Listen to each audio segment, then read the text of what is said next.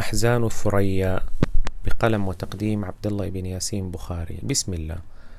أقبلت على طفلة الثريا أريد احتضانها وبين أناملها الدقيقة كوب صغير فاهتز منسكبا بعض ما فيه على فستانها.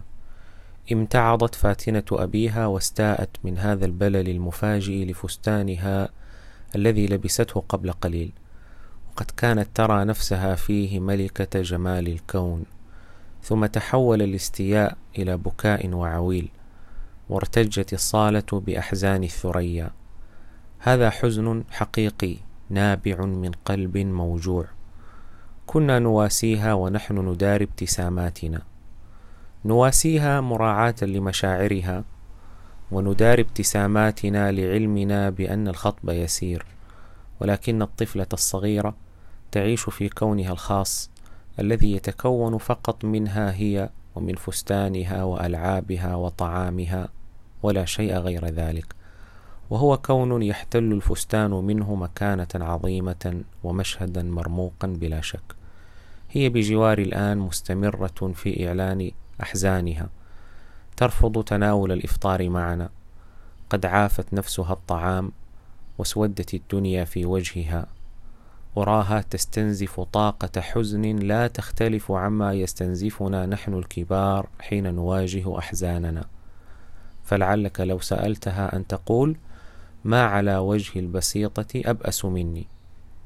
يوما ما ستكبر الثريا بإذن الله وتكتشف سخافة الأمر وتراودها الذكرى فتبتدر فمها ابتسامة فتغالبها كما غالبنا نحن ابتساماتنا اليوم. حين تكتشف أن الكون أوسع بكثير من فستانها الذي تبلل. وكذلك نحن. وهل نحن إلا أطفال كبار؟ سنكتشف لاحقا أن أمراضنا وأحزاننا وصراعاتنا وأموالنا ليست مختلفة كثيرا عن فستان الثريا المبلل. هل سنكتشف ذلك قريبا أم حين يطرز الشيب رؤوسنا؟ أم لعله في البرزخ أم حين دخول الجنة بإذن الله؟ الله أعلم. فذلك يختلف باختلاف التجربة الشخصية لكل منا والطريق التي قدر الله سلوكها للشخص في هذا الكوكب. لكن كلما اكتشفناه مبكرا كلما كانت فرص الهناء في حياتنا أكثر. حاول أيها المؤمن حين تتجرع مرارة الأحزان أن تخرج إدراكك من جسدك الصغير الفاني وتحلق بعقلك في الأفق. ستتفاجأ حينها كم أنت صغير جدا كنقطة في هذا الكون المذهل المعقد. فكر في مدى محدودية أحزانك التي تملأ عليك سماءك حين تترك هذا الجسد وقد خبت حرارته بعد مدة محددة ومحسوبة بدقة وتنتقل إلى سعة الآخرة.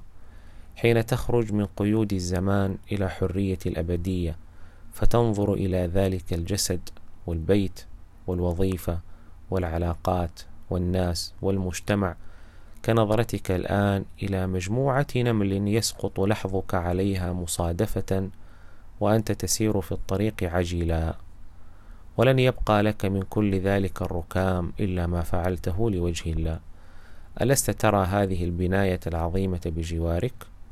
انظر إليها كم ستصبح صغيرة عندما تحلق فوقها بالطائرة. ناهيك عن اللحظة التي لن يكون فيها بمقدور عقلك حتى مجرد استحضار تلك الذكريات.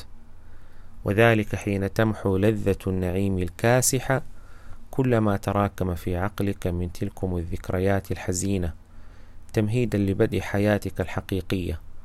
وذلك ما أشار إليه الحديث التالي يقول الحبيب عليه الصلاة والسلام يؤتى يوم القيامة بأنعم أهل الدنيا من الكفار فيقال اغمسوه في النار غمسة فيغمس فيها ثم يقال له أي فلان هل أصابك نعيم قط؟ فيقول لا ما أصابني نعيم قط ويؤتى بأشد المؤمنين ضرا وبلاء فيقال اغمسوه غمسة في الجنة فيغمس فيها غمسة فيقال له أي فلان هل أصابك ضر قط أو بلاء فيقول ما أصابني قط ضر ولا بلاء خرجه ابن ماجه وصححه الألباني.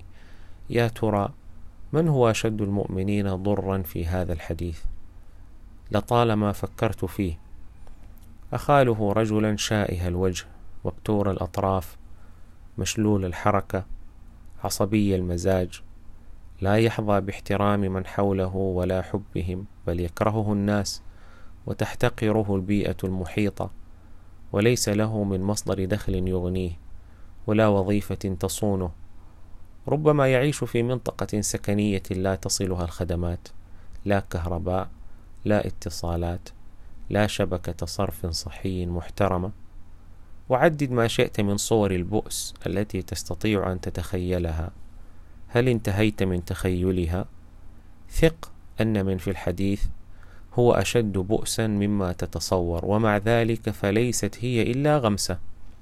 فكيف بما بعدها من النعيم؟ وليست هذه دعوة إلى مصادمة طبائعنا البشرية وحرمانها من حقها الطبيعي في الحزن عند وجود أسبابه وإنما هي دعوة إلى إعطاء كل حزن حجمه اللائق به. ختاما ماذا عنكم يا أصدقاء متفكر؟ وهل مرت بكم مواقف شعرتم فيها بمحدودية وصغر أحزانكم كبشر وأنكم لا تختلفون كثيرا عن الثريا؟